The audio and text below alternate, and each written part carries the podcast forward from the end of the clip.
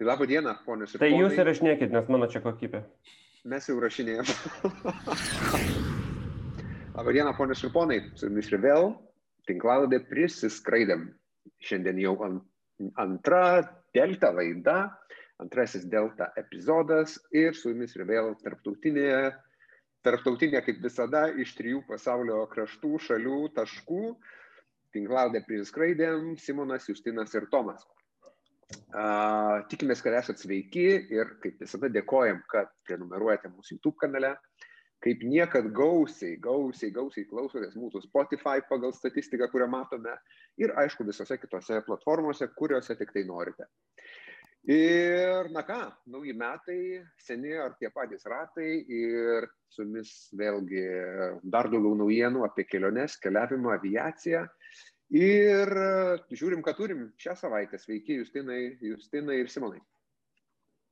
Sveiki. Šiandien turbūt mus skiria ne tik tai skirtingos trys šalis, bet turbūt ir maksimalus temperatūros skirtumas. Turbūt koksai 50 laipsnių yra tarp mūsų šalčiausio taško ir šilčiausio taško. Aš manau, Justinai, kiek pas tave šiuo metu? Uh, Naktį tai buvo vėsoka, buvo plus 15, tai jau buvo taip jau, jau, jau problematiška. Dieną tai 28, 29, nu taip, taip šiau. Meksika, pas, dar su, su konkretinus Meksiką, kalbam apie Meksiką. Taip. Jo, Jukatano pusėsalis, kaip čia ta vadinasi, Majų Riviera ir Tulumas.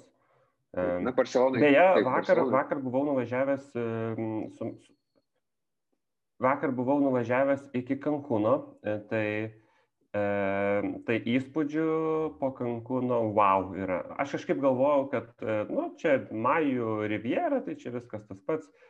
Tai supratau, kad Tulumas ir Kankūnas yra mm, čia pavadinti kaip, kaip Antalija ir ir net nežinau, su ko, su ko palyginti. Ta prasme, skirtumas buvo visiškai wow.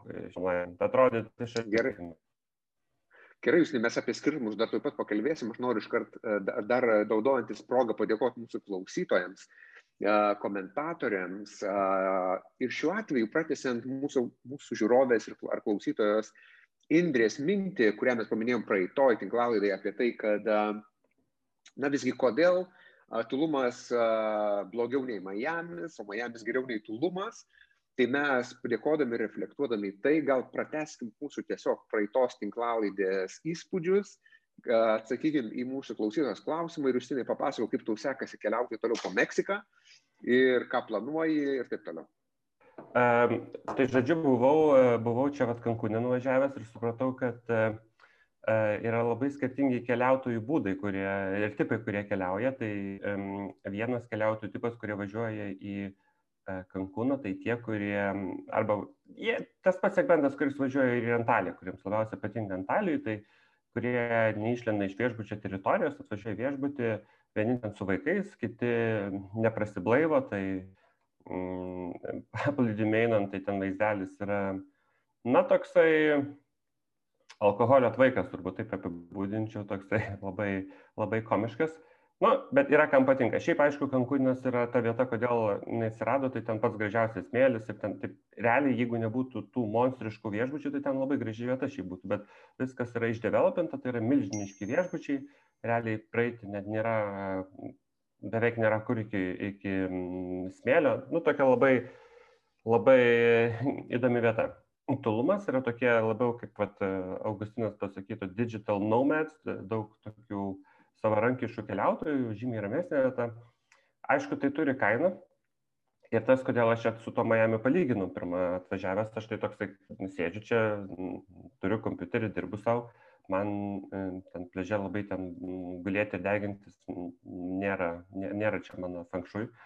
Ir labai išlenda tas dalykas, kad Tulumė yra, ir aš gal užsimiršau, kad Meksika tai ne Šveicarija ir ne Norvegija, tai su infrastruktūra truputį yra silpna ir tas labai bado akis. Tai nėra šalygatvių, nėra apšviestos gatvės, nėra Uberio, tai ten kiekvieną kartą taksi išsikvietus reikia ten su to meksikiečiu dėrėtis. Vien, vienas už 10 eurų veža, kitas už 20, 20 kainą nesidėri ir po to, jeigu 15 siūlai net neveža, nu tokių visokių cirkų yra. Tai, tai tie dalykai labai, labai man ir nepatiko. Tai čia dėl to labiausiai man su Miami palyginimui, tokiam kaip sėdėti, sėdėti ir dirbti, tai Miamis yra žymiai ramesnė vieta.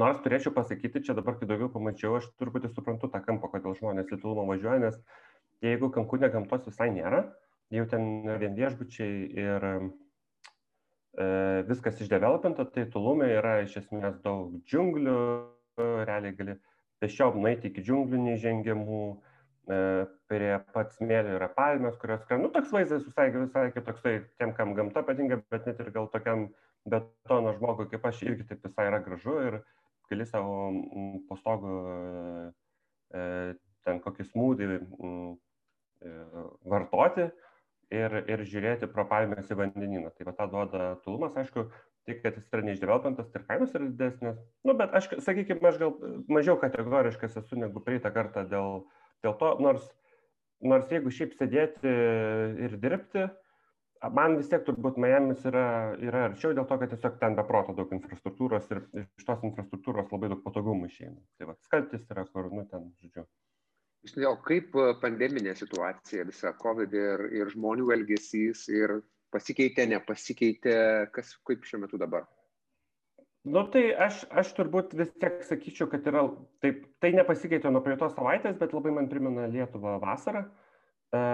Ir čia turbūt iš to, ką, tai aišku, aš vis tiek sakau tą informaciją Lietuvoje, tai visi tie mūsų um, koronos influenceriai, tai jie sako, kad kai ateis balandis, tai čia situacija pagerės, nes UV spinduliai ten sunaikins ir panašiai. Tai tikint jais, čia tų UV spindulių yra labai daug ir turbūt ir visi būna pastoviai vien laukia, patalpoje, kai niekada realiai net nebūni, tai turbūt ta transmisija yra vis tiek mažesnė. Didžiausias minusas, man atrodo, yra šiaip, kad e, ko aš iki tol nesupratau, kad Kankūnas tolumas, tai čia mums atrodo tolima kelionė, o amerikonui arba kanadiečiui, tai čia yra savaitgalio kelionė. Ir jų labai daug atvaro pirmin e, trumpam kartui, tai vis tiek turbūt užveža neišvengiamai E, nu, daugiau negu galėtų. Jeigu e, tiesa, nuo, nuo e, sausio 26 dienos į Ameriką bus galima pakliūti tik tais, tik tais su mm, testu nuo, nuo, nuo, nuo SARS koronaviruso. Tai aš mačiau Reddit'e žmonės, kurie ten diskutuoja, o Redditas beje labai gera vieta pasiskaityti, ką amerikonai galvoja apie Kankūno filmą, tai jie uh, tai jie jau kai kurie atšaukinėja keliones, nes atskris keturiom dienom tampa nepraktiškai, nes vis tiek pusdienį turi praleisti ten ieškodamas, ieškodamas kur pasitestuoti. Na ir toks truputį nepatogumas. Tai ilgesnės kelionės metu ir toliau vyks, bet tie, kas atvažiuoja trumpam, jie jau mažiau vyks. Šiaip šitoje vietoje čia mm, man priminė, žinot, kitą dalyką, aš gal tokį, vat, mes truputį ne, ne podcast'e šnekėjom apie tai, nu, ką, ką avialinijos apskritai darė, nežinau, čia tokia truputį tema nušoksiu, ką avialinijos galėtų padaryti daugiau. Tai vat, aš prisiminiau, kad Panamas, Sasas senais laikais turėdavo viešbučius, operuodavo savo, savo visuose taškuose, kuriuos skrenda. Nu, kodėl? Todėl, kad jeigu esi Saso keleivis, tu, ar ten Panam, tu nežinai, kur apsistoti, tai vat, Panamas pastatė viešbutį ir jį operuoja. Ir ten viskas yra žinoma, gali bilietą, vietą nusipirkti kambarį. Tai dabar lygiai taip pat, taip gaunasi, kad United, American Airlines, Delta turėtų realiai turėti Kankūnė savo operuojamą kažkokį PCR testavimo punktą, kur garantuoja, kad tu atvykus, nežinau, ten penkiom valandom iki skrydžio į oro uostą, garantuotai padarys, tau, nu, jeigu atsakymas teigiamas, tai jau tada ten atskira, mm, atskiras procesas, bet jeigu neigiamas, tai tada nu, kad nereikėtų rūpintis, nes čia tai Meksikoje e, vienokios problemos, kitoje šalyje kitokios. Nu, man tai, pavyzdžiui, net tokiam truputį mačiusiam keliautojui vis tiek yra truputį neapibrieštumo ir man nepatinka, kad neaišku, kaip tie testai bus ir neaišku, kaip tą vietą gauti. Tai toks, okay. mano. Čia turbūt, nežinau, tai turbūt kažkas panašaus, kažką bando daryti Lufthansa, bet pačioje Vokietijoje, tai turbūt tą, tą kamulį taip truputį permetant, tai turbūt, nu, ten ir Franco ar Turkish Airlines e, galimybės ir pajėgumai toj pačioj Meksikoje, ta prasme, nu, įskaitant tai, kad jiems Meksika yra viena turbūt iš šimto krypčių, tai uh, sudėtinga tai darosi įgyveninti ir ten turbūt pirmiausia, turbūt savo privalumus galėtų koks nors Aero Meksiko padaryti, kad, nu, vat, tarkim, vat, jie, jie kažkokius savo faciličius statytų savo pagrindiniuose oro uostuose ir va tokią paslaugą užtikrintų, kas tikrai turbūt palengvintų ir, ir patikimumą jų sustiprintų versus, tarkim, kitas aviakompanijas. United tai tikrai čia turi daug tų skrydžių, kiekvieną, kiekvieną dieną turbūt ten dešimtim skrydžių iš, iš Kankūno yra. Nu, iš Kankūno, iš Meksikos, tai dar kitam krante yra ten pilna vietų, kurios. Tai aš tiesiog tokį E, įtariu, kad jeigu čia tas testavimas toliau taip eis, tai vis tiek ateis iki to, kad avialinijos rūpinsis, tik tais e, nu, galė, galėtų anksčiau pradėti ruoštis, tai geresnį rezultatą turėtų. Ir šiaip iš principo čia konkurencinis pranašumas. Jeigu vieni, kurie pasiūlytų aišku testavimą, kad jie užtikrina nu, kažkokį workflow, tai American Delta United įgytų konkurencinį pranašumą. Tai, tai tiek, tai lyg ir turi laisvo laiko. Tai Justinai, toliau koks planas? Šiandien mes įrašinėjom sekmadienį, sausio 17 dieną, koks toliau planas? Ir, ir ar dar po savaitę sutiksim tave Meksikoje, ar keliausi toliau? Vat galvoju, vat galvoju skristi į Miami, e, kol dar, e, kol dar Štai. nereikia iki 26 dienos e, testo, bet čia ne dėl to, kad aš to testo kažkaip anksčiau, tai gal ir pačią Miami pasidarysiu kaip čia viešos, viešo public health e, tikslais, bet e, tiesiog čia labai neaišku, kaip tą darytis yra mm, ir nepatogu. Ir po to dabar aiškinuosi, ar man pavyks pasikeisti bilietą, kad grįšiu iš Miami, bet panašu, kad po to dar grįšiu atgal į Meksiką. Ir iš Meksikos grįšiu į Lietuvą. O kada grįšiu į Lietuvą, nežinau dar iki galo. Arba gal kažkur iš Amerikoje. Ispanija atlieka. Tai jau į Europą, kai grįšiu, tai jau turbūt tiesiai į Lietuvą varysiu, nes ten tas biletas labai ne, ne, ne, nelankstus, kaip aiškėjo, galvoju, kad jis yra labai lankstus, jis yra lankstus datom, bet labai nelankstus yra maršruto keitimai. Nu, bet tai per Stambulą. Tikrųjų... Per, Stam, per Stambulą. Ja, Turkish per Stambulą ir mm, aš tiesiog gal galvoju apie tai, kad turbūt e, jau šią žiemą, nu antrą kartą čia to vargo skristi turbūt neapsimsiu, tai tiesiog reikia pa, pa, pabūti tiek, kad jau nesinorėtų. Tai va. Taip. Gerai, tai keliaukim tada prie, prie tolimesnių naujienų ir, ir prie tole, tolimesnių išvalgų šiandien šiandienos tinklalaidai. Ir pereikim prie naujienų ir su kakčių skiltės, kaip ką visada ir daro mūsų, mūsų, mūsų epizoduose. Praėjusią savaitę, be praeinantį savaitę, kuo jinai buvo žymi datomis, naujienomis ir panašiai. Viena iš tų žinučių, kuriuos pasiekė visi, kuriuos pasiekė mūsų visus turbūt, tai tai Norwegian ir jį žinia apie tai, kad e, galutinai yra naikinama long haul, ar ne, ilgųjų nuotolių sektorių, sakykime, ta, ta grupė. Ir, ir, ir, ir atitinkamai darbuotojų jau pagaliau, jau žmonės jau dabar suprato, kurie yra atleisti ir koks jų kiekis. Ir ką manot, teko turbūt skaityti ir kaip tai paveiks mūsų rinkas ir, ir, ir situacija. Simonai, teko. Na, turbūt, turbūt labiausiai vis tiek stebintis dalykas yra tai, kad nu, jie vis dar nemiršta ir dar jie sugeba rasti būdų, kaip išgyventi.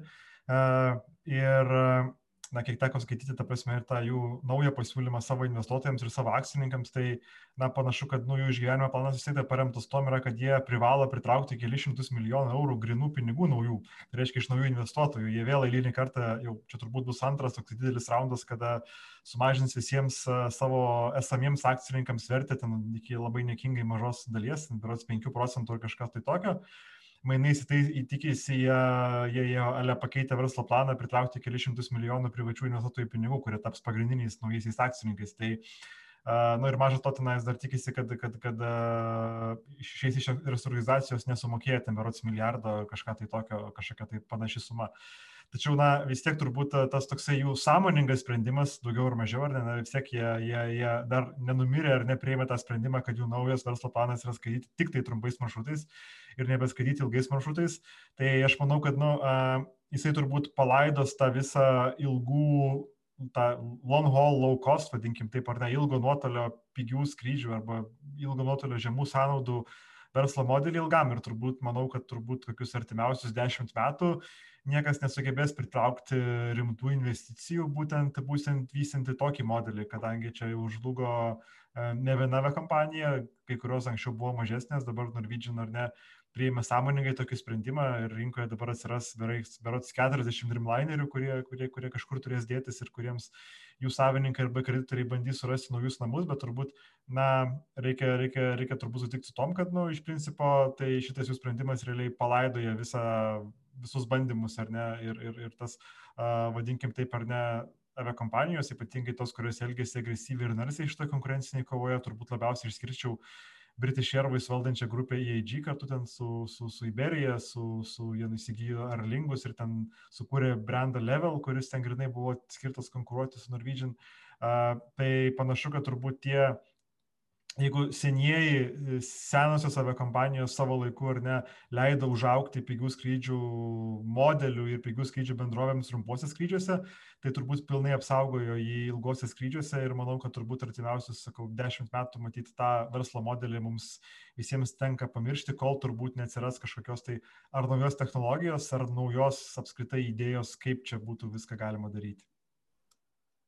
Aš tokį, tokią mintį ir klausimą turiu šitą vietoje. Kaip Jūs manote, tai, nu, čia ta pati mintis, kad short haulą visgi jie bando kažkaip išsaugoti, kiek tai yra susiję su tuo, kad į Norvegiją, m, mm, tai gal čia tas toks, kad įvesti kontekstą, praeitais metais labai agresyviai Wizz pradėjo skraidyti po vietinius e, Norvegijos, e, Norvegijos rinką, iš ten Oslo į Savangerius, Trondheimus ir panašiai ir norvegams tai labai nepatiko, čia jie taip kažkaip nesitikėjo, kad vengrai ateis ir, ir bandys dabar uzurpuoti jų rinką. Kažkiek kiek tai yra susijęs su to, kad jie ir bando tą Norwegian išlaikyti, kad, nu, nes jeigu laisva vieta, kaip čia laisva vieta tuščia nebūna, tai Norwegian lūžimas automatiškai labai daug vizėjų uodegų at, at, atneša jiems. Na, čia aš turbūt galvoju, kad na, na, jeigu žiūrėti iš Norwegian pusės, tai turbūt managementas ar ne vadovai vis tiek turėjo kažkokį sugalvoti verslo planą ir pasirinkti kažkokią tai kryptį, kurią bandyti dar kartą parduoti naujiems investuotojams, nes, nu, neišvengiamai reikia pinigų uh, ir, ir, ir kažkokią tai idėją reikia pardavinėti.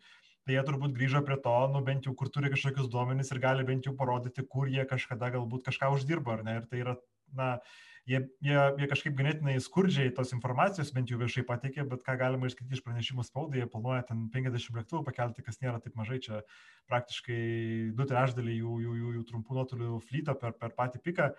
Bet ką jie sako, kad, nu, tai čia vidinės rinkos, bet, nu, jie ketina, ar ne, iš būtent, būtent skaityti iš šiaurės šalių, ten, kurie jaučiasi stiprus, iš, ne tik iš Norvegijos kelių bazių, bet ten ir Švedijos, Danijos, Danijos, Suomijos berots irgi taip pat Nordex jie apibrėžė tą regioną. Tai turbūt tai yra tas planas, ar ne, kurio, kurio jie bandys įsimti ir kurį jie bandys dar vieną kartą, dar vienu šūviu išsaugoti. Uh, tas visas Norwegian polimas iš tikrųjų, tai, na, mums turbūt galbūt yra kažkas ne, negirdėto, neregėto, nes matom spaudoje, ta prasme, tiek iš politinio lygmens, tiek iš tokio visuomeninio lygmens, tas iš tikrųjų spaudimas, jisai uh, nėra mažas ir ten tiek, tiek susijęs su profsąjungomis, tiek apskritai, ar ne, kad čia naudojamasi būtent pigia darbo jėga ir kažkokiamis ar ne laisvėmis, kurios ir vertybėmis, kurios galbūt norvegams nepriimtinos. Kas, nu, tokie, tokių boikotų pavyzdžių mes, nu, sėk, nu, yra buvę, bet tokių sėkmingų turbūt nėra tiek daug buvę. Bet man bet, nu, per tą savaitę teko nemažai skaityti būtent apie Lidl bandymą užeiti į, į, į Norvegiją 2001-2003 metais kai ten padarė iš tikrųjų milijardinės investicijas ir atidarė tenais keliasdešimt parduotuvių, sugebėjo pasiekti berots tik tai vieną procentą rinkos dalies. E, ir, ir po kelių, po penkių metų bandymų susiviniojo, e, kaip pasakyti, susiviniojo meškerės ir pardavė tą savo infrastruktūrą ir išėjo iš tos rinkos. Tai, nu, man atrodo, kad čia turbūt nu, e, pakankamai akivaizdus sprendimas, kodėl tokį modelį pasirinko ar jisai jiems leis toliau išgyventi ar neleis, turbūt per anksti yra spręsti, bet, e, bet nu, tai turbūt tas kelias, kuris logiškiausias šitam, šitam, šitam taške. Aš, aš, tai, aš tai apie, kalbant apie Norwegian, galvoju, kad jų vieta pasaulyje yra visgi tik tais um, Norvegijai skraidyti domestik, jungti visus Norvegijos tolimus um, miestus ir miestelius į Oslą ir galbūt iš Oslo paleisti kažkokius aptarnaujančius e, skrydžius visų pirma, aišku, į likusi Nordics regioną ir galbūt kažkiek aplinkui. Ir galbūt jie gali šitą modelį replikuoti Švedijai ir Suomijai, Danijai tai vietos iš viso tam nėra. Tai, e, tai va toks nedidelis regioninis, panašus į Air Baltic e, modelis tik tai tiek, kad Skandinavija ir Nordic regionas, ką turi, tai jie turi labai labai daug vietinio, vietinio susisiekimo. Tai va iš to Norwegian gyvena ir šiaip ir daug, daug iš to uždirba pinigų, tai linkiu jiems ir toliau bandyti tai padaryti, bet aš turbūt į juos neinvestuočiau, jeigu, jeigu jie neteitų.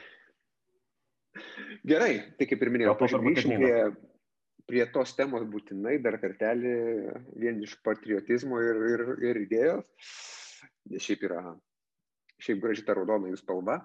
Uh, sutart, sukaktis sausis ir kitos naujienos. Aš manau, kad sausis šiaip aviacija yra, na bent dėl dviejų įvykių jisai yra vertas paminėjimo. Uh, ir aš manau, kad žinau, kur, kad jūs žinot, kur lenkiu, tai Prieš 12 metų, kas įvyko prieš 12 metų sausio mėnesį? Turbūt jau žinote, ko linkiu, ar ne? 2009 metai, sausio 15 diena. Tada US Airways, kas nutiko? Justinai, Simonai, kas atsimena?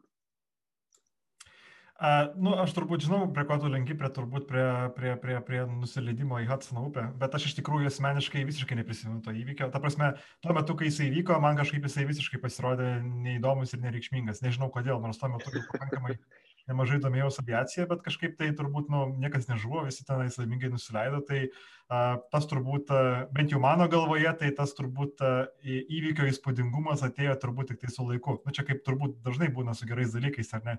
Kai kažkas gero gyvenime nutinka, turbūt dažnai neįvertini tuo metu, kai nutinka ir tik tai po kažkiek laiko gali, reikia subręsti prie to, kad įvertinti kokio įspūdžio tai buvo įvykis, nes aš sakau, kaip nu, mes turbūt savo gyvenime, ar ne, kai kokie nors nu, įdomesni įvykiai įvykę, mes prisimenam, kaip tai sužinojom, ar ką ten veikiam tuo metu, tai aš asmeniškai, pavyzdžiui, to įvykio visiškai net neprisimenu, kaip jis įvyko.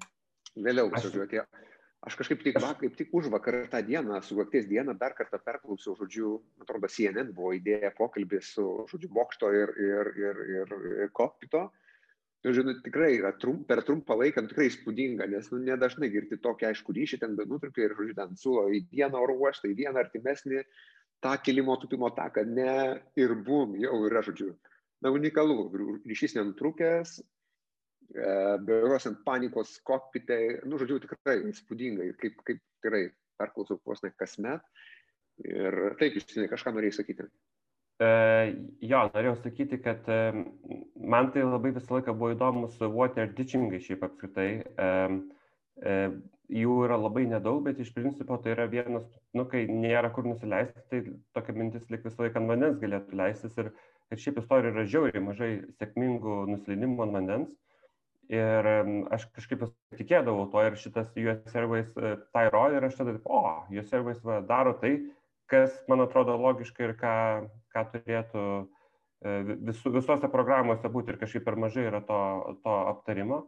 Um, aš kažkaip tai kitą, aš nežinau, man irgi gal jisai labai neįstrigo, bet tik tai iš to, kad water landingas buvo, kitas dalykas, man aš kažkaip žymiai labiau prisimenu kitą panašią istoriją, irgi panašių laikų buvo, tai Liot um, Torontas Varšuva, aš dabar neprisimenu, iš kur jie ten skrido, kai Varšuva skrido ir be važiuoklės nusileido, va tą tai prisimenu tiksliai, kur žiūrėjau, kaip jie ten cirklino, kaip ten tiesioginės transliacijos per visas televizijas buvo. Tai man taip tokie va, panašus, panašus tokie eventai yra, tai kažkaip prisiminiau tai, dabar, kai jūs. Tai gal jūs geriau atsimenat kitą sukakti bičiuliai. Tai kas įvyko irgi, irgi sausio mėnesį, ar ne, tai yra Flylau bankrotas. Ir, ir dabar žiūrėdami retrospektyviai galim turbūt pagalvoti, ar ne, laik, kiek čia to laiko praėjo, kiek mes ka, girdim šitų atgarsių, o vis dar girdim ir galbūt kaip, kaip gyventume šiandien, jeigu to nebūtų įvykę. aš, aš, aš tai norėčiau Eligijų Masiulį pakalbinti tą temą kaip svečią, e, išgirsti, kokie buvo sprendimai ir kodėl. Aš visgi manau, kad čia buvo e, visa istorija susidėliojo visgi per susiekimo ministeriją.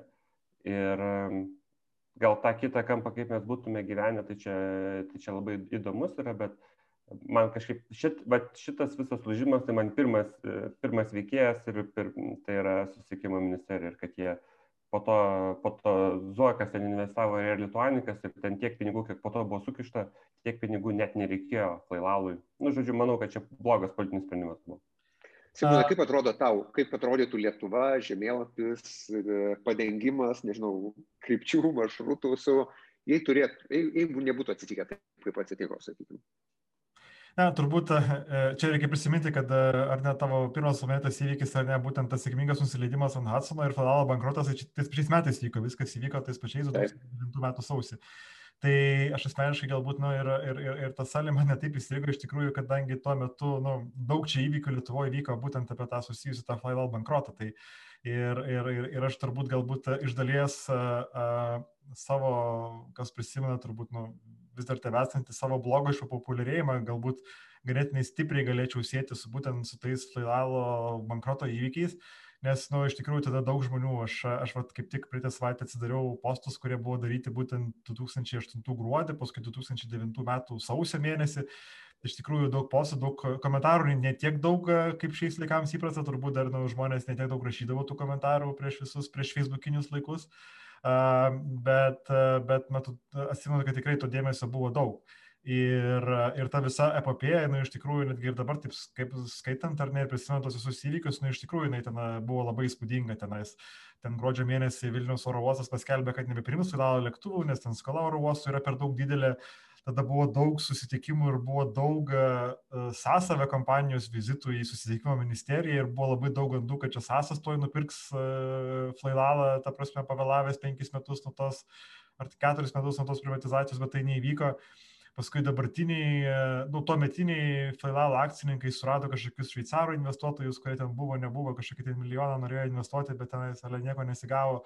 Dar prieš kalėdas ten vyko, vyko, vyko tas uh, garsusis pasiūlymas, apie kurį ir Justinas kalbėjo, ar ne, kad, kad buvo pasiūlytas Susisiekimo ministerijai perimti atgal uh, Failalo akcijas ir toliau valstybei vystyti tą vežėją. Tai iš tikrųjų, nu, ta prasme, ta, ta, ta atrodo, ta paskutinis mėnesis, nu, iš tikrųjų labai daug įvykių, iš tikrųjų daug labai įvykių vyko. Uh, Bet aš galvoju, kad vienas dalykas turbūt, į ką mes e, šiuo metu nelabai galime įsijausti, e, mums dabar jau turbūt aviakompanijų bankrotai yra labai įprastas dalykas. Ta prasme, nes e, nu, aš asmeniškai ir dirbau dviejose kompanijose, kurios žlugo, tai esu ir iš vidaus matęs ir netgi taip turbūt jau tas kažkoks ir, ir, ir, ir emocinis atsparumas tiems įvykiams kažkoks yra lengvesnis. Bet aš prisimenu, tarkim, nu, man teka nemažai bendrauti su tuo metu, Flailalė dirbusiais žmonėmis ir vadovais, ir ne tik vadovais. Uh, Ir aš manau, kad kas tuo metu ir iš tikrųjų labai stipriai vyraujanti visuomenė nuotaikai buvo, kad tokia kompanija kaip Filalas bankrutuoti negali. Ta prasme, nu, iki paskutinio momento nu, buvo tikima, kad nu, čia taip nebūna. Ta prasme, nu, nors jie jau kaip ir buvo privatus, bet jie vis dėlto buvo nacionalinis vežėjas ir čia ar valstybė gelbės ar negelbės ir manau, kad tas valstybės negelbėjimo sprendimas, nu, dalimi turbūt buvo paremtas tom, kad, nu, e, galbūt e, ir, ir, ir tas pats ministras ir kiti kažkiek jautėsi šantažo įrankiais, nes e, daug kas turbūt neįsileido į savo galvą tokios minties, kad, nu, čia gali imti ir bankrutuoti, nes, nu, tuo metu tai kažkiek atrodė, kad, net nežinau, nu, turbūt dabar mums lengviau galėtume įsivaizduoti, kad Lietuvos geležinkeliai bankrutuoja, negu tuo metu kažkas įsivaizdavo, kad čia Flaidalas gali bankrutuoti. Nu, nes atrodė, kad nu, čia yra kažkokia tai infrastruktūros dalis, nacionalinis vežėjas, čia jis daug metų dirba nuostolingai, nu, bet tai ir dirba nuostolingai, čia visi prie to pripratę, čia kažkaip, kažkaip, kažkaip išsisūs, įsikapstys ir tai neįvyks. Ir tai, kad nu, vis dėlto, ar ne, įmonė buvo priversta, nu, jau privesta prie tokios situacijos, kad vadovai buvo priversti stabdyti veiklą, nes, nu, ta turbūt e, nebeliko grinai sąskaitoj pinigų ar ne už ką nusipirkti ten degalų rydinos skrydžiams. Ir būtent sausio 16 dieną tas buvo paskutinis skrydis iš, iš Amsterdamo į Vilnių, po kurio finalo skrydžiai nebe, nebe, nebevyko. Tai čia turbūt ar ne reflektuojant į tai, kokie prisiminimai iš būtent, būtent iš tų laikų. O perinant ar ne prie tavo Tomai tiesioginio klausimą, ar ne, Tai iš tikrųjų čia norėčiau, kad visi trys turbūt padiskutuotume, nes čia labai turbūt hipotetinė situacija, ar ne, ir bandytume įsivaizduoti, kas būtų, kas galėjo būti kitaip, ar ne, jeigu Flailal ar ne nebūtų bankrutavęs, ar ne. Aišku, čia turbūt ar ne tą visą pokytį labai stipriai pakeistų, ar ne, kaip jisai būtų nebankrutavęs, ar ne, mes turbūt, e, nu, turbūt turim atmesti tą scenarijų, kad ten kažkokie privatus pinigai ypatingai devintų metų žiemą galėjo atsirasti. Nes prisiminkim, kad tikrai buvo ekonominė krizė ir, ir, ir tuometiniai Failalo akcininkai nesusidūrė su pinigų problemomis ir turbūt e, nelabai galima kažkokios vilties turėti, kad ten stebuklingai kažkokie būtų atsiradę privatus pinigai, nes prisiminkim, kad tuo metu tenais nei, nei bankai skolino, nei kažkokių alternatyvių skolinimo šaltinių ten nelabai buvo, netgi ir už užimtus užsatus tuo metu sunku buvo paskolas kažkokias tai gauti ar, ar investicijos ar ne kapitalą. Ir turbūt čia vienintelis scenarius galėjo būti, kad valstybė būtų įsikišusi kitų vaidmenių ar ne ir vėl tenais ėmusis ar perėmusis ar dalį, ar visas įmonės akcijas ar ne ir, ir, ir, ir toliau tą įmonę bandžius išlaikyti ir bandžius įvystyti. Tai aš manau, kad nu, turbūt vis tiek būtų atėję kažkokie tai sunkus metai, ten 90 metai, nes reikia suprasti, kad tais metais ar ne, ne tik tai, kad ten filialas bankrutavo, bet apskaitai, nu, reikia sutikti, kad tikrai buvo nemažas paklausos kritimas, nes nu, mūsų regionas ir ne tik visas, visas pasaulis yra susidūręs pakankamai didelę ekonominę krizę. Tai aš manau, kad ar ne tas uh, filialas galbūt galėjo laikytis, turbūt jis būtų laikęsis siek panašios strategijos, kurią tuo metu ir turėjo.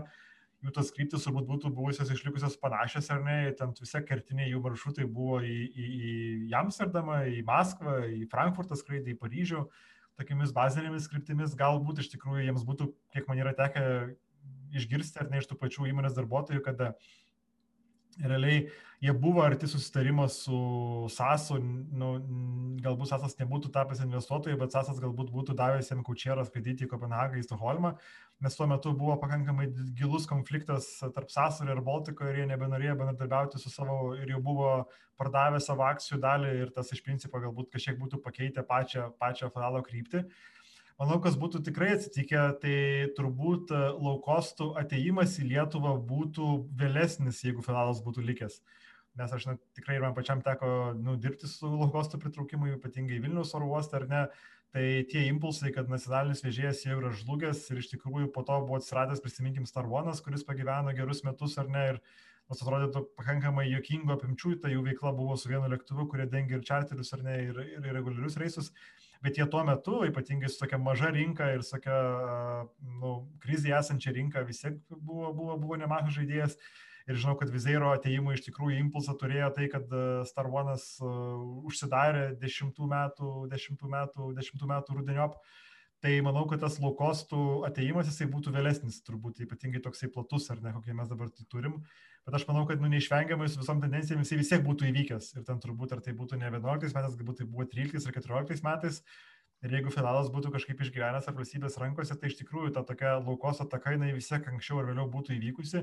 Ir klausimas iš tikrųjų, kokioje situacijoje mes dabar būtume, ar, ar, ar iš tikrųjų turėtume tokį ar ne gyvą lavoną, kaip ten turi turbūt rumūnų tarom ar ne bendrovė, ar ten koks nors, nežinau, Alitalijos pavyzdys, kur tiesiog viskas sukasi ratu taip ar ne, kad, kad tenais įmeta valstybė pinigų, 3-4 metai kažkokios bandymo naujų strategijų vėl ar ne įklimpimas į nuostolius ir vėl pinigų įmetimas ir vėl kažkoksai. Tai, nebūtinai sakau, kad tai blogas dalykas ar ne, pažiūrėkime Latvijos ir Baltik ar ne, kurie, nu, turbūt komercinė prasme, marketinginė prasme atrodo visai daug gerų dalykų daranti bendrovė, tačiau nu vis tiek, ar ne, jiems apsisuka tas ratas, ar ne, kažkas atsitinka, ar ne, ir, ir valstybė reikia kažkokią tai vėl piniginę intervenciją kapitalo būdu daryti, ar ne, estams kažkas nepasisekė, tai vad klausimas, ar ne, ar tikrai uh, būtų nutikę taip, kad kažkokiu būdu mes būtume turėję stiprų ir, ir, ir nu, galingą vežėją šituo metu, ar tai 20-21 metais iš to, kas tuo metu buvo Flailalas.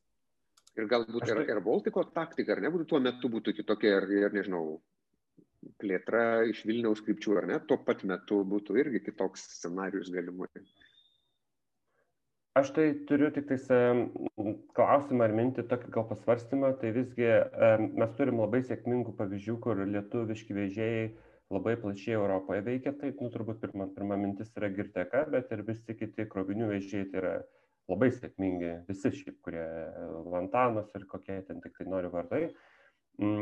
E, ir prisimenant, kad Vizeiras šiaip ir išaugo po 2010 metų e, ir beje buvo labai susiję jų išaugimas su to, kad Malevas užlūžo, jiems labai daug davė rinkos. Ir turbūt labai buvo susijęs su to, kad labai tas emigrantinis rautas tarp rytų, rytų ir vakarų išaugo, tai vat, man, mano toks gal mintis pasvarstymas, kad žiūrė, ar, e, Flailalas ar kokius vardu bebuvo, ar jisai galėjo realiai užimti Vizeiro, nu, tapti Vizeiro konkurentu su daug bazių, nes šiaip tai čia ar, ar girtekai daryti verslą, ar flaivalų kaip ir panašus principai. Na, aš turbūt galvoju, kad nu, e, jeigu tai būtų valstybės valdoma bendrovė, mes turbūt nu, labai dažnai turbūt nuvertam tokį dalyką, ar ne, e, valstybė turbūt gali pasamdyti tikrai kompetitingus vadovus, ar ne, kurie, kurie gali imtis gerų strategijų, tačiau nu, yra tas turbūt, nu, politinės rizikos, jos vis tiek yra neišvengiamos vienu ar kitu kampu, ar ne? Ir, ir, ir tie ypatingai valdžios pasikeitimai ir visoms ar ne valstybės įmonėms, ypatingai tokioms įmonėms, kurios dirba toje konkurencingoje rinkoje, kaip buvo su Filal atveju, galbūt kažkiek yra, nu, valstybė galbūt nu, geriau valdo tokias paslaugas, kurios ar ne nėra taip greitai besikeičiančios ir jos savo kampų, nu, tam tikrą prasme vis tiek yra monopolinės, kaip tenais ir ne oro uostų valdymas, ar ten tų pačių geležinkelių valdymas, kur iš principo, nu, nors tenais yra ten geležinkeliuose teoriškai liberalizacija ten tam tikrų paslaugų, bet, nu, puikiai patys suprantam, kad jinai taip tenais, sakė, nėra greita ir, ten, ir, ir ypatingai lanksti. Tai va, iš tikrųjų, turbūt nu, vat, klausimas yra, kaip būtų galima ar ne plėstis į kažkokias kitas šalis, ar ne, ypatingai, ypatingai valstybės valdomom, valdom, valdomoms bendrovėms. Nors aišku, čia aš sakau vieną ar ne, bet turbūt galim pažiūrėti į šiaurę, į savo kaimynus ir matom, kad nu, yra pavyzdžių, kur tai įmanoma padaryti, ar ne. Tas pats ir Baltikas apsiriboja Baltijos šalim ar neplečiasi, bet nu, kažkokiu būdu čia aš jau rašiau ar ne kritinių postų apie tai, kad, nu, man atrodo, nesąmonė, ką dabar ar ne Estijos valstybė daro, investuodama dar kartą į, į, į kaip besivadintų Nordica X-Flyer tą projektą, kuris iš principo ar neužsima skraidimų kitų vežėjų, nu, teikimų paslaugų kitiems vežėjams, vadinamoji semainių skraidimų iš skirtingų bazių ir labai sunku suprasti, ar ne, kokią naudą tas, tas, tas, tas dalykas ar ne teikia, jiems. Aš pilnai sutinku, ar ne, kad nu, tai buvo tas laikas, kai tokie vežėjai kaip uh, Vizeiras ypatingai ar ne, būtent iššoka per tą krizę, Tai tik pilnai pritariu, kad iš tikrųjų tas Malevo bankrotas jiems labai stipriai padėjo. Labai stipriai padėjo jiems, kad Liotas Lenkijoje buvo tuo metu silpnas ir ypatingai turbūt silpnas managementas tenais buvo ir, ir, ir, ir nebuvo tenais uh, jokių uh, na, bandymų vizeirą sustabdyti ir ypatingai jie regionuose galėjo išsiplėsti ir ta rinka uh, labai, gerai, labai, gerai, labai gerai išauga. Tačiau, na, man atrodo, kad stipriai padėjo tam pačiam vizeirui, kad jie iš principo tuo metu buvo labai labai švarus lapas ir jie galėjo viską daryti nuo švaraus lapo, kas kenkia iš tikrųjų Flailalui, kad jie realiai buvo įmonė, kurioje jau buvo prisikaupę daug problemų, buvo prisikaupę skolų, kurių taip lengvai ten nu, neįmanoma iš balanso išvalyti, net jeigu tenais ir kažkoks tai kreditorius, nors ten tie kreditoriai, nu, didelė dalimi buvo akcininkai bei valstybė, nu, tu pasme, iš principo ten didžioji dalis jų, jų, jų, jų skolų buvo susikaupusių tiems dalykams. Tačiau, nu, baltam lapui tuo metu tikrai buvo gerokai geresnės galimybės imti ir iššauti. Gerai, tai tiek turbūt šiandien naujienų sukakčių skiltyje ir eikim prie pagrindinės didžiosios mūsų temos, kurią nusprendėm šiandien skirti naujajam arba būsimajam virtualiajam, ar kaip kitaip pavadinsime, žaslių oro uostui. Ir pradėkime nuo, nuo to, nuo, nuo pačios esmės, ką žinom šiandien apie tai, kur žaslių oro uosto istorija nukeliavo iki šios dienos ir, ir turbūt tai yra tiek politinis dalykas, ar ne, taip, Simonai, matau, to mintį ir galėsi pratesti. Jo, aš tai e, gal tokią labai istorinę remarką pasakysiu prieš perdamą žodį Justinui, nes Justinas tenais yra vietinės apylinkėse ir labai galės mums daug papasakoti, kokios tenais lygumas ar aukštumas yra, yra tai numatytoje oro uosto vietoje. Tačiau aš tai tokia turbūt nu, istorinė dalyką, ar ne, norėčiau truputį papasakoti, nežinau, ar, ar visi klausytojai tą visą istoriją žino ar ne, mes dabar čia turbūt jau du ministrai atgal, ar ne, būtent kai Rokas Masiulis buvo ministras, jisai grįžina tą mintį plačiau visuomenėje vėl imta diskutuoti apie galimą naują oro uosto statybą. Tačiau ta oro uosto statyba ir iš principo praktiškai ta pati vieta, apie kurią kalbam ir dabar, dokumentuose kažkokiuose ir politiniuose sluoksniuose jau turbūt, nežinau, 50 metų kažkur tai, 50 metų kažkur tai figuruoja ir yra man tekę matyti ar ne labai senų dokumentų iš 80-mečio, kada iš tikrųjų ten vyko susirašinėjimas tarp tarybinių kelių institucijų apie tai, kur čia reikėtų statyti naują ar vieną ar kitą oro uostą. Ir iš tiesų ta pati idėja, kaip apskritai kilo mintis ieškoti to, to naujo oro uosto, jinai yra realiai nu, pilnai susijusi ir pilnai kildinti ją reikėtų ne iš to, kad Vilnius oro uostą reikia iškelti, bet pati idėja būtent sovietiniams planuotojams kilo tuomet, kai Kauno oro uoste, nu, žinom, oro uostas ir aerodromas ir veikia Aleksote, kuris dabar atrodo visai miesto centre, tenais nuo senamiščio pereini per tiltą į Aleksotą ir ten yra oro uostas, kas yra labai fainai ir patogu, jeigu jis ten dabar būtų, būtų labai, labai linksma turbūt kažkokius reguliarius reisus iš tenais turėti. mums kaip aviacijos mėgėjams, tačiau nuo to metu jau, jau miestas plėtėsi, kada paaugo iš principo tas oro uostas ir kad jau nu, akivaizdu buvo, kad ten jau nebe vieta pačiam miesto centre turėti oro uostą Kaune. Ir buvo pradėta ieškoti Kauno oro uosto naujos vietos ir tuo metu kažkam kilo mintis, kad nu, perspektyviškai vis tiek reikėtų Kaunui kraustis arčiau Vilniaus. E, ką galbūt galima surasti ir da, su dabartiniu visam dipolio idėja mintimis, ar ne, kad Kaunui artėti prie Vilniaus, su mintim, kad galbūt kažkada tai, ar ne, ir, ir, ir Vilniaus, oro, Vilniaus miestas apauks, ar ne, ir kad reikės Vilniaus oro uostą kažkur tai kraustytis. Tai buvo toks užmanimas, kodėl ta vieta, apie kurią mes ir dabar kalbam, dabar jinai jau nebėra paslaptis, nežinau, kad ten ir žurnalistai darė tam tikrų tyrimų ir ten 15 minučių, atrodo, berots tyrimai ganėtinai gerai iščiūštinėjo labai tiksliai tą vietą, kur jinai bus ir jinai nėra turbūt jau tokia paslaptinga, kad jinai yra netoli Žaslių miestelio, ar ne, jeigu tos arda važiuojam Kauno kryptimi, tai po dešinę, keli kilometrai į, į, į dešinę, vadinkim taip, šiaurės kryptimi. Tačiau pagrindinis ar ne užmanimas buvo, kad buvo ieškoma kažkada tai ar ne vietos išrausti Kauno oro uostą. Ir e, ta vieta turbūt buvo paslaptinga kurį tai laiką, mano žiniom, ten jinai buvo pažymėta kažkokiuose tai planuose ilgą laiką, bet nu, Lietuvai tapus laisvai, Lietuvai paveldėjus tikrai didžiulį infrastruktūrą oro uostų Lietuvos teritorijoje. Čia jau nekalbant apie tai, kad tokie jau trys pilnaverčiai ar net tarptautiniai oro uostai su, su visa būsimo infrastruktūra buvo ir tai buvo per daug, ar ne, ir nu, tam tikrą prasme ilgai buvo uh, ilgai buvo didžiulis krūvis Lietuvai visus išlaikyti, jau neskaitant to, kad ten ir su Šiaulių oro uostu visada buvo tam tikrom peripetijom, bet juos kažkaip po pat nepriklausomybės ar ne ten perėmė, perėmė, perėmė savivaldybę, savo jėgom ten kažką bandė daryti, paskui turbūt, nu, ačiū Dievui, ar ne, ten karinės paėgos įsikūrė ir, ir išgelbėjo. Tai tokia, nu, iš tikrųjų istorinė remarka, kad, nu, tai yra jau iš tikrųjų, jeigu taip ar ne, kažkada tą oro uostą imtų ir pastatytų, reikėtų skaičiuoti, kad ar ne, nuo idėjos ar nebus praėję turbūt ir 50-60 metų. Taip, tai būtent tą ir žinau, aš manau, kad Justina, jeigu, jeigu, jeigu galėtum, kadangi tu ten vietinis ir iš tų platumų lygumų, e, jeigu galėtum savo išvalgas pateikti, ar ne, kiek tau teko, teko nežinau, žemėlapius analizuoti ir, ir koks tavo vaizdas, ką mhm, žinom šiandien ir, ir po to turbūt galim tą politinį lygmenį paliesti, nes tai neišvengiamas, turbūt irgi visų procesų dalis neišvengiama. Žaslių oro uostas, tai čia išlindo visai e, neseniai, anksčiau jis buvo žinomas kaip e, Elektrėnų oro uostas ir buvo kalbama tai, kad e, oro uostas bus statomas e, prie, prie Elektrėnų. Mano kaimą, mažas buvau vasaras, e,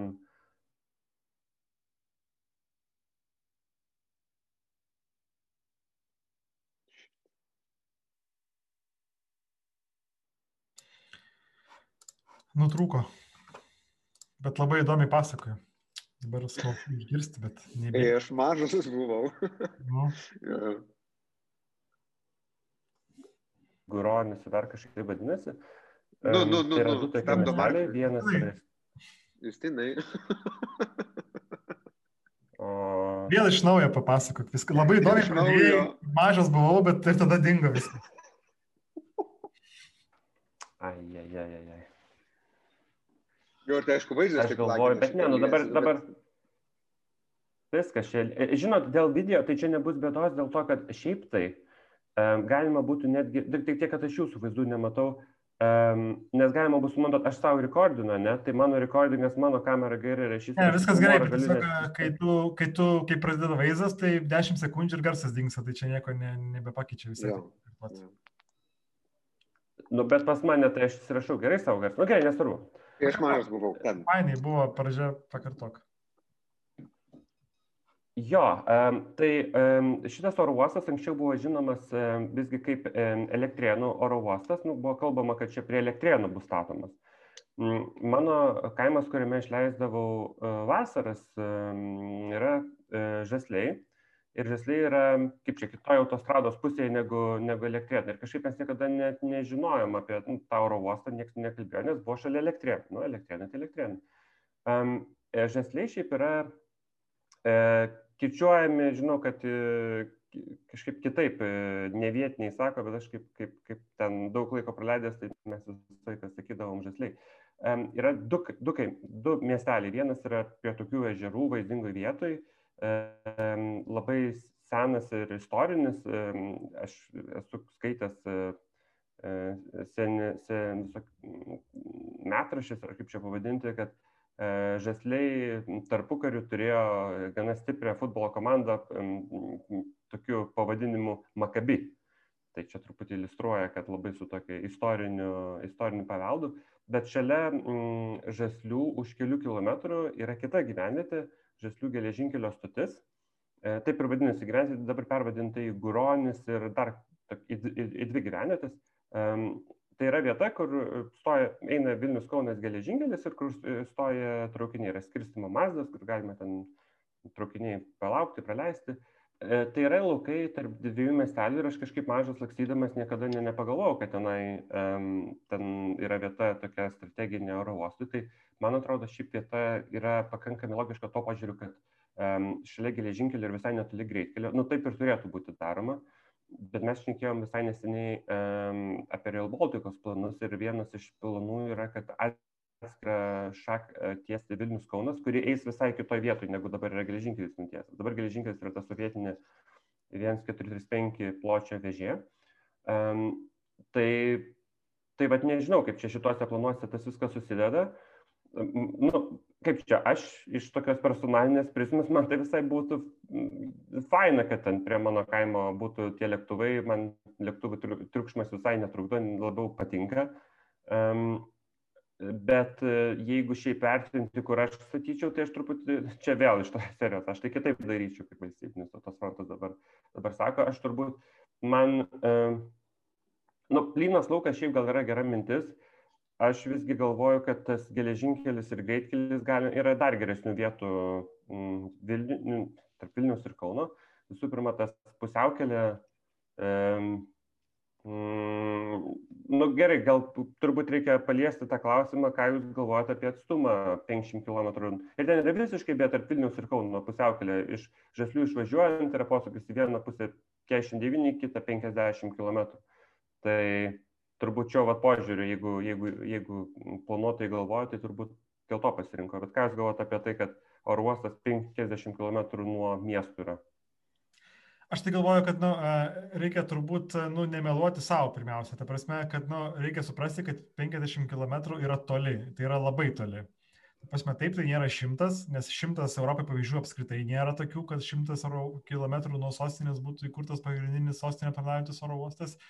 50 pavyzdžių yra, ten galima prisiminti kokį nors ir nu, mums nelabai tolimus, kokį Stokholmo Orlandą ar tenais Oslo Gardemon. Uh, taip yra 50 km, bet nu, reikia pripažinti, kad 50 km tikrai yra toli. Tada kitas klausimas yra, kokią mums privaloma ar ne įrengti infrastruktūrą, kuri padarytų taip, kad tie 50 km nebūtų toli. Tai, nu, akivaizdu, kad ar ne šio laikinė technologija tam, tam dalykui išspręs yra traukinys, ar ne? Ir mes turim ten tos pačius pavyzdžius Orlandoje arba, arba Osle, kur yra gerai veikiantis traukinys, kuris ir ne tik tai greitas, bet jisai ir dažnas ir jisai maža to yra user friendly. Tačiau aš, nu, esu primetęs kažkokius tai vienokius ar kitus paskaičiavimus su traukiniu. Traukinio problema yra tai, kad, nu, jisai logiškai būtų rentabilus ir kad jisai galėtų kas 15 minučių važiuoti, reikia tikrai daug žmonių, kad juo važiuotų. Ar ne? Tai dalykas yra tas, kad iš principo tie keliaivių srautai, kad jeigu mes dabartinius srautus tiesiog Vilniaus Kauno sumestume į krūvą ir permestume į žaslius arba kaip tu sakai žaslius, tai nu, būtų per mažai ir, ta prasme, ir, ir kas 15 minučių paleistume traukinį, tai jisai važiuotų tuščias iš principo, ten su 10, su 12, su 12, su 12 žmonių, kas iš principo keltų kitus klausimus, ar ne, kad Tai tuštas traukinys, tai reikia rečiau važinėti ar ne, tada rečiau važinėjai, tai reiškia, žmonės nebenori važiuoti, persėda į mašinas ir toksai ar nes nieko gniužti. Tai manau, kad nu, tas toksai sprendimas iš tikrųjų geografinė prasme jis yra geras, su mintim, kad iš tiesų tas keliaivių srautų augimas bus pagal bent jau tą kreivę, kurią mes matėme iki šitos pandemijos ir su, su na, ateitimi, ta prasme, į viršų. Mes turime akivaizdžiai matyti, kad iš tikrųjų tas keliaivių srautas pasiektų bent jau ten turbūt tokius 12-15, o ten dar po 10 metų ir 20 milijonų keleivių, kad iš tiesų na, būtų rentabilu išlaikyti visą tą infrastruktūrą, kuri, kuri užtikrintų pakankamai gerą susisiekimą ar ne su Vilniumi. Uh, nu, ir automatiškai taip pat ir su Kaunu. Aš vis tiek manau, kad tai būtų tikrai didelis konkurencinis, na, konkurencinė netektis turėti oro uostą už 50 km, nepaisant to, kad tas traukinys būtų geras, nes oro uostas už 5 km ar 6 km vis tiek bus geriau, nepaisant to, koks tas traukinys jisai bebūtų geras, ar ne? Galim matyti, ta prasme, tą patys politinės batalijas, kurios vyksta Stokholme, ar ne? Ir ten skirtingos politinės jėgos turi skirtingą požiūrį, bet vis dar yra veikiantis Bromo oro uostas, kuris kažkam patinka, kažkam nepatinka, kuris tenais yra žiauriai apribotas, žiauriai nepatogu jį operuoti, labai sudėtingos operacinės sąlygos, o traukinys iš Orlandos turbūt yra tobulas, nu, pasaulyje aš nelabai esu matęs kažko geriau įgyvendinto, tiek tenais švaru, patogu, greitą, atveža į patį miesto centrą, nu, nėra prie ko, prie, prie, prie ko kabinėtis nepaisant to, ar ne, yra vis tiek žmonių, kurie, kurie, nori, kurie nori skristi į Bromą ir tas Broma ir nėra uždaromas, nes uh, žino, kad jeigu uždarys Bromą, dalies keleivių tiesiog oro transportas neteks. Nu, dalis žmonių tiesiog nebeskris visai, ar ne, iš Stokholmo į Stokholmą arba į Stokholmą, ypatingai ten uh, viet, vietiniais skrydžiais, kur iš tikrųjų tas uh, ar ne kelionės laikas, jisai ypatingai tampa ar nesvarbus. Uh, jeigu tu skrendi į Meksiką, tai nu, žmonės dėl skrydžio į pigesnį į Meksiką kartais į Varšuvą nuvažiuoja, ar ne, ir į Rygą čia nėra problemos nuvažiuoti. Tačiau ar ne žmonės, kurie kas antrą dieną skraido į Taliną, dalies kelionių tikrai atsisakytų vien to, kad, kad, kad, kad tai būtų toli. Tačiau aš galbūt, nu, eidamas toliau, ar ne, mes turbūt turim padiskutuoti ir tokių turbūt, nu, pamatinių klausimų, ne, iš tikrųjų, ar reikia jums tą orosą statyti, ta prasme, ir kokie argumentai yra už ar ne, ir kokie yra prieš, nes čia turbūt e, esminis yra klausimas prieš vedant bet kokias e, diskusijas, ar ne, kur tada ir kaip ir kaip jisai turėtų atrodyti. Tai aš galvoju, kad šito vietoje yra nu, dvi temos, kurios, man atrodo, yra svarbios aptarti. Tai pirma tema yra turbūt, kai buvo galvojama apie mm, Vilniaus oro uosto, mm, Žeslių oro uosto ar elektrinio oro uosto statymą, buvo tai, kad reikėjo ilgesnio tako ir buvo su mintim, kad Vilniuje ją lyg ir ilginti kaip ir nelabai jau yra kur, ten triukšmas ir panašiai, Kaune irgi, vat, e, Aleksoto aerodromas e, netinkamas ir reikėjo ilgesnio tako. Bet tais laikais, kai vėjo kalba, mes jau prie toj, prie tam pakestą aptariam tą temą, e, ilgesnio tako nėra absoliučiai jokio poreikio. Man atrodo, kad vat, ta dinamika, ta problematika gal labiau apie tako ilgį tiesiog dingo e, iš, iš paveikslo. Čia manau, kad geras tavo kampas paliestas yra, bet turbūt kitą dalyką turim, nu, tą prasme, paliesti, kad, na, a, realiai turbūt, jeigu kalbam apie Vilniaus oro uostą ir jeigu mes kalbam apie tas ar ne optimistinės prognozes, kurios buvo prieš šią pandemiją, tai, nu, vis tiek kažkuriuom tai metu e, tai atsirems į tokius ar ne jau ir kitus klausimus, tai vien tik tai tako ilgi, ar ne?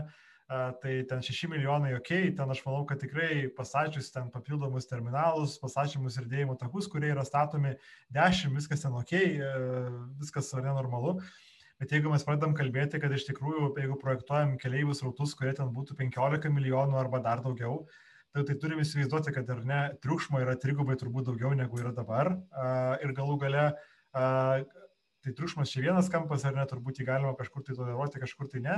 Kitas turbūt tolimesnis kampas yra, kad nu, tų tokių investicijų jau vėlgi reikės pakankamai drastiškų tenais daryti, ta prasme, nu, jau tų terminalų nebepildysi tiek, jeigu dar reikės, nu, mes kalbam čia ne apie tai, kad nu, reikia dalyvauti, nu, dabar atrodo viskas ok, dalyvysim terminalą, čia vieną kitą, tai bus ne 6 milijonai, bus 8, dar vieną gal dalyvysim, bus 10 Bet jeigu kalbam apie 15-20, tai mes turim suprasti, kad nu, čia jau reikia tikrai trigubai didesnės infrastruktūros, reikia ten, aš nežinau, 15-20 rankovė, prie kurių būtų galima pastatyti ar ne lėktuvus, reikia tiesiog parkingo, trigubai daugiau aikštelių stovėjimui tų pačių lėktuvų ir, ir ne vien tik tai apie, apie tą patį kilimą ir tupimo taką.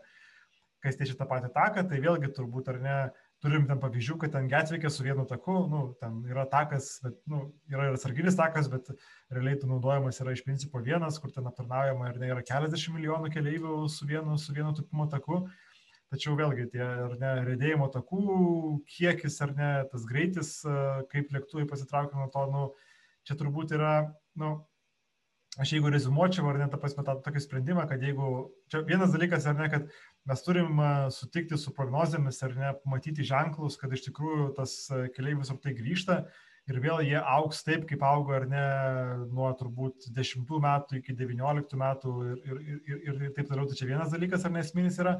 Antras dalykas yra turbūt, nu, kaip iš principo galima ir ar galima, ar negalima, ar ne, išspręsti tos infrastruktūrinius dalykus, nes, nu, man atrodo, kad rimtai analizuota, ar ne, kaip sutalpinti 20 milijonų keleivių Vilnius oro uoste, niekada taip ir nebuvo, kad tai būtų labai detalus, detali analizė padaryta, ką reikia padaryti, kad galų gale išeiti į vienokią ar kitokią sumą, kad ar ne, tai galima, nu, viskas yra įmanoma, tai būtų galima padaryti, bet tai kainuotų va, x sumą pinigų, galbūt, nu, ir visą kitą. Tai žinau, kad tų studijų buvo daryta ne viena ir ne kita, bet jinai iš principo, nu, pieždavo artimiausius 5-7 metus, bet jinai, nu, nelabai pieždavo ar ne projektas, kad 15-20 milijonų keliaivių sutalpinti.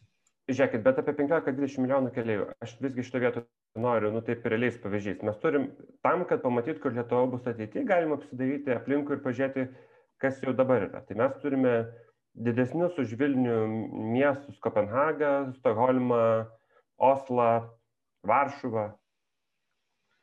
Man turbūt toksai pavyzdys, ar ne, turbūt į kurį norisi dažnai žiūrėti, turbūt yra galbūt Praha, e, kur oro uostas nelabai jisai turi kažkokių tai hubinių projektų, bet e, nu, turi nemažą turistinę trauką, turi panašią ekonominę padėtį kaip, kaip, kaip, kaip ta pati Lietuva ir ir galbūt nu, tai yra vystimosi scenarius. Aišku, kas keturis metus keičiasi politinė valdžia, ar ne? Tai turbūt irgi negali visiškai eliminuoti šito klausimo ir kaip, kaip jisai gali varijuoti aktyviai, pasyviau šitame fone. Aš tai galvoju, kad su, su politiniais dalykais yra toksai nu, vienas aspektas, ar ne, kad, na taip, kiekviena valdžia, kiekviena politika, uh, jinai, kiekviena politinė jėga, ar ne, kiekvienas uh, politinis nu, kiekviena politinė banga, vadinkim taip, ar kiekviena politinė jėga, jinai turi savo tam tikrus principus ir savo politiką, kuri galbūt kartais yra nebūtinai tenais kažkokia tai partinė linija, bet kartais galbūt asmeninė linija ten vieno ar kito ministro ar vieno ar kito premjero, kuris ateina į, į, į, į valdžią. Tačiau man atrodo, kad nu, politinės rizikos jos yra lengviau eliminuojamas ir lengviau suvaldomos tada, kai tie sprendimai yra visiškai akivaizdus. Uh, nu, jeigu sprendimas būtų, ta prasme, akivaizdžiai, akivaizdžiausias ar ne, kad būtina statyti naują oro uostą ir čia vietos nėra, tai manau, kad nu, būtų galima ir tada politinės rizikas lengviau suvaldyti. Man atrodo, kad nu, viena iš, vienas iš dalykų, su kuriuos turim suprasti, kad šiuo metu mes esam situacijoje, kai iš tikrųjų argumentų nestatyti naujo oro uosto yra daug. Lygiai taip pat daug argumentų yra ir statyti oro uostą. Dėl to bet kuriai politiniai valdžiai yra pakankamai sunku priimti sprendimą, kuris neturėtų stiprios opozicijos, kuris neturėtų ar ne kažkokio tai pasipriešinimo ir kuriam būtų galima turėti tiek daug stiprių argumentų, kad būtų galima nu, nekreipti į kažkokias tai vienus ar kitus dalykus. Aš pilnai sutinku, kad nu, iš tikrųjų tam tikrų, koks sprendimas bebūtų, besipriešinančių vienam ar kitam sprendimui tikrai bus. Ta prasme, čia bet kokią vietą be pasirinktum ar ne, bus gyventojai, kurie ten gyvena, kad jų labai mažai, kad jų bus ir šimtas gyventojų, kurie bus paliesti. Gyventojams gerai, čia viskas bus gerai. Čia, aš mačiau, kad yra grupsų prikurta jau ir kaišėdariečiams ar kažkas, kur ten vietos gyventojai jau protestuoja ir, ir, ir, ir niekina tą visą sprendimą. Man tai atrodo čia iš viso kažkaip komiškai, nes, ta prasme, protestuoti prieš turbūt tokius 5000 darbo vietų tokiam rajone kaip Kaišėdorių čia yra nu, savęs negerbimas ir savo miesto nemylėjimas. Nu, aš taip nu, labai jau kategoriškai toje tai pasakyčiau. E, nes, e, nu, manau, kad tokio dydžio rajonui, kuris iš tikrųjų turbūt nu, nėra jam taip paprasta ar ne pritraukti objektų, kurie sukurtų bent kelišimtus darbo vietų, čia nu, turėkime omeny, kad ar ne oro uostas jisai nėra vien tik tai oro uostas ir tikrai toli gražu visi darbuotojai nevažinės iš Vilniaus ir iš Kauno į dirbti, e, su oro uostu ten bus pastatys viešbučiai, pastatys ten kavinės, nu, galų galia žemynio aptarnavimo darbuotojai, žemynio aptarnavimo kompanijos darbina kelius šimtus darbuotojų, kurie ten daro čekinus, krauna bagažą ir panašiai, kur tikrai bus, bus, bus, bus dalykų, nepaisant to, kiek tenais, nu, patrauklumo investicijoms susikūrė aplink tokius objektus kaip, kaip, kaip, kaip oro uostas. Tai, bet, nu, čia aš manau, natūralus dalykas. Tikrai neišvengiamai, koks sprendimas bebūtų, kur bebūtų statyti ar nuspręsta nestatyti, pasipriešinčių kažkokių bus. Tačiau, nu, viskas yra turbūt, nu, tam tikrų, uh, nu, argumentų stiprumo klausimas, ar ne? Jeigu tas sprendimas būtų akivaizdus, tai mes turbūt tą sprendimą turėtume. Bet nu, panašu, kad yra nu, jau ne pirma valdžia, ar ne, kuri iš tikrųjų nu, labiau renkasi tą kelią, kad atidėti kaip įmanoma toliau tą sprendimą, kol galbūt prieisim prie tos tokios situacijos, kai tas sprendimas jau tikrai taps akivaizdus. Justinai, tavo baigiamieji argumentai šią temą. Aš jo, aš labai pritariu tam, kad e, turbūt jeigu apibendrinti tai, kad oro uosto naujo statyti tikrai nėra žudbutinio reikalo, mano akimis tai nėra iš viso jokio reikalo. Um, yra dar, uh, jeigu statyti, aš statyčiau arčiau Vilnius, mes dar nepalėtėm vienos labai svarbios temos, kad visgi, nu, truputį su tai, kad nėra labai daug analogų. m, Europoje, kuri 50 km nuo miesto ir, ir nuo sostinės yra oro uostas, tai visgi mes čia kalbėjom lik ir apie uh, uh, lietuvių poreikius, ar ne, kad, na, kauniečiams tai, vat, vat arčiau bus važiuoti, ten klaipėdiečiams ir panašiai, bet, bet labai mažai yra kalbama viešoje erdvėje apie tai, kad visgi šiaip visų pirma pusė žmonių, kurie sėdi lėktuvas, yra nelietuviai. Ir tie žmonės, kurie skrenda, jie dažniau visgi skrenda į, į Vilnių dėl to, kad tiek valstybinės organizacijos, tiek, tiek būdavo renginiai, tiek, tiek verslo visokie ryšiai, jie vis tik yra stipresni Vilniuje ir taip istoriškai yra ir taip ir bus ateityje. Ir yra priežastis, kodėl Lufthansa, būdama, turėdama laisvą valią, visgi renkasi skraidyti į Vilnių, o ne Kauną, nes jeigu jau tas Kaunas ir lietuviai čia taip iš periferijos taip skraidytų, tai nu, pamatytume, kad mes bent Liuhansa, Liotas ar, ar Sasas skraidytų ir iš, ir iš Kauno, nes Sasas, pavyzdžiui, iš Palangosgi skraido, prisiderinamas prie strauto, kuris yra į Klaipedą. Ir yra Danai, švedai, kurie skraido į Klaipedą, kuriems reikia, kurie moka daug ir Sasas dėl to skraido kaip ir turbūt lietuviai, kurie visokie jūrininkai skraido, visokius aberdynus ir panašiai. Tai, tai va šitas, kažkaip man šita, šitas kampas yra visą laiką pamirštamas iš, iš visų viešų diskusijų, kad mes galvojam apie, per daug apie save, per mažai apie tos, kurie atskrenda, atskrenda pas mus. Tai, bet, bet jeigu apibendrinant, tai man atrodo, kad poreikio jokio nėra nieko baisaus nesitiks, jeigu mes dar gyvensim ir pasieksim, duok Dievę, pasieksim 20 milijonų keleivių su Vilniaus oro uostu, kuris toksai yra, bet 20 milijonų pasieksim netikiu, kad 2050, tai we're safe.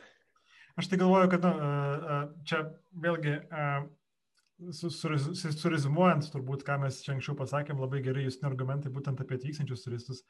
Ir čia turbūt galima netgi platesnį klausimą kelti savo ar ne ir, ir iš tiesų ar, ar, ar tokio sprendimo įmantis ar ne kaip naujo oro uosto statyba, ar tai iš principo pagerintų mūsų šalies konkurencingumą visais aspektais. Nes, nu, oro uostas, jisai, reikia suprasti, jisai statomas yra ne aviatoriams ar ne, ir, ir, ir ne vien tik tai, uh, nu, avia mėgėjai turėtų į tą sprendimą būti įtraukti, bet, nu, iš principo jisai yra statomas ar ne daugybė nuo to priklausančių verslų, ar ne, ir ypatingai uh, šaliai yra labai svarbus būtent tie atvykstamieji srautai, ar ne, ir tų visumų srautų pritraukimas. Uh, ir klausimas, ar tą konkurencingumą būtų galima sukurti. Aš manau, kad, nu, manau, kad labai didžiulis privalumas ir net dabartiniams atvykstantiems turistams yra tai, kad mes turime oro uostą arti miesto ir jisai suteikia labai daug potencialo, ar ne, ar ne, ar ne vystyti tam tikrus papildomus rautus ir kur dar turbūt yra mums nerti dirvonai kaip konferencinis turizmas ir visi kiti dalykai, kurie turbūt po pandemijos atsigaus. Ir čia aš turbūt, nu, pilnai sutikčiau turbūt dar su ta situacija, kad iš tiesų tai mes labai dabar šita pandemija mums suteikia galimybę laimėti laiko, kad mes e, turim savo prabangą, neskubėti su sprendimu. Ir aš tikrai nu, labai tikiuosi, kad tas laikas jisai bus prasmingai išnaudotas ir, ir panaudotas iš tikrųjų analizėms, e, čia kaip ir kam, kam nepatiktų, kad ir kažkas tai vis tiek tapatina su pinigų švaistimu kažkokiam tai studijų rašymui ir kažkam tai. Bet aš manau, kad nu, e, dar galbūt netgi tų analizių dabar nelaikas jas daryti, nes nu, mes vis tiek e, šitam sektoriui turim gaisrą, kurį reikia užgesinti pirmiausia, ar ne, tai turime menį pandemiją ir matyti, kaip čia viskas grįžta ir kaip čia viskas atsigauna ir, ir, kokiomis kreivėmis mes galime grįžti į tą normalų gyvenimą ir matyti, kur viskas link eina. Ir aš manau, kad po to mes dar turėsime metus, du, tris, e, kada tikrai galėsime a, svarstyti vien tik tus, vien tos pačius argumentus ir žiūrėti, kur viskas eina, kad priimti tikrai gerą ir kvalifikuotą sprendimą šitoje vietoje. Tai, tai, tai va, turbūt nu, toksai būtų mano, mano, mano pagrindinis e, rezumė, ar ne, ką su to reikėtų, reikėtų daryti. Na, reikia tikėtis, kad mūsų argumentus išgirs, kas, kas turėtų išgirsti ir, ir savo laiku. Ir tą būtent tą laiką išnaudos kūrybingai, strategiškai, analitiškai ir, ir, ir žiūrėsim, kaip toliau naujasis oro uostas jungtino, Justino gimtiniai dėliosis. Taip, Simonai. Aš dar vieną tokį labai trumpą, ar ne, norėčiau įsiterpti vietą. pasakydamas, kad, nu, jeigu ar ne sprendimas nėra absoliučiai akivaizdus, ar ne, ką reikia daryti, tai dažniausiai kas būna, tai lemiantys dalykai tampa detalės, ar ne, kurios yra, atrodo dabar detalės, ar ne. Čia atrodo, toks pirmiausia reikia nuspręsti, kur, ar, ne, pirmiausia, ar, tada reikia kur ar ne, o tada jau detalės yra. Bet aš manau, kad nu, mes neturim tokio visiškai akivaizdaus sprendimo ir labai svarbu yra vat, būtent tos detalės, kaip jos atrodytų, jeigu kažkokį sprendimą vieną ar kitą priimam. Labai svarbu ir nesuprasti, kad jeigu ruosto nestatom, tai ką darom Vilniuje, kada darom ir kaip tai viskas atrodo. Jeigu jau taip ar ne, tas sprendimas yra priimamas, tai aš manau, kad nu, tos detalės ar ne, kaip greitai važiuoja traukinys ar ne, kaip yra patogus privažiavimas e, nuo Vilnius ir panašiai, jas yra nu, ypatingai, ypatingai svarbios ir mes negalime švies išvaisytis labai stipriai argumentais, vien tik tai čia tokiais ar ne patinka, nepatinka ar ne dalykais. Žiūrėkit, aš tai šiaip tai nesutinku dėl to, kad e, čia yra e, vos ne kaip 50-50 sprendimas. Man tai yra labai aiškus sprendimas, kad jokio oro uosto statyti nereikia jeigu mes nesugebam pasistatyti truputį infrastruktūros Vilniui, galbūt Kaune, tai kam, kam statyti visiškai naują, jeigu mes nesugebam išspręsti architektūrinio paveldo su Vilniaus pagrindiniu terminalu, mes čia tokių paprastų klausimų nesugebam išspręsti ir mes galvojam, kad statydami lik ir naują oro uostą išspręsim. Tai nu, čia, man atrodo, yra visiškai blogas kelias, E, e, kuriuo, kuriuo eiti ir man atrodo, kad ne, visų pirma nėra jokios problemos, kurias spręsti mes turime ir čia kaip ir nėra, nu, čia nėra visiškai e, jokio reikalo tai daryti. Tai e, mūsų kaip statybininkų tautai gal ir yra faina, bet aš jau geriau tada sakyčiau, kad nusitieskim dar vieną ten geležinkelio greitą vėžę tarp Vilnius ir Kauno bus daugiau tolko. Tai va, tai... Tokias, kad ar ne, tos senovinės svarstyklės, kur ar ne yra viena pusė į kitą, tai jeigu įsinas yra labai stipriai ar ne vienoje pusėje, kad ten, ten aš esu turbūt irgi labiau toje pusėje, kur įsinas, bet turbūt arčiau vidurio, kur tu tas, tas polinkis e, dar yra kažkoks tai jeigu, bet aš turbūt džiaugiuosi vieno dalyko ir man atrodo, kad čia mes, nu, iš, žinau, iš ankstesnių diskusijų turbūt visi sustiksim, ar ne, kad uh, turbūt galbūt ir ačiū Dievui, kad uh, išnyko iš uh, diskusijų turbūt toks variantas, kad apskaitai oro uostas turėtų būti Kaune, vienintelis Lietuvos oro uostas. Taip nes mano supratimu, kad nu, tai mes iš principo save nublokštume į absoliučiai nekonkurencingą padėtį, nes e, net ir su visais ten gerais traukiniais ir kitom infrastruktūros priemonėm, kurios yra įgyvendintos, oro uosto 100 km nuo, nuo, nuo, nuo sostinės neturi ne viena Europos šalis ir ne viena netgi mano žiniom net nelabai svarsto taip daryti. Aš dar daugiau pasakyčiau, kad tie žmonės, kurie galvoja, kad e, reikėtų iš viso uždėti Vilniaus oros, nestatyti naujo, o, o palikti tik tai Kaune, yra lunatikai.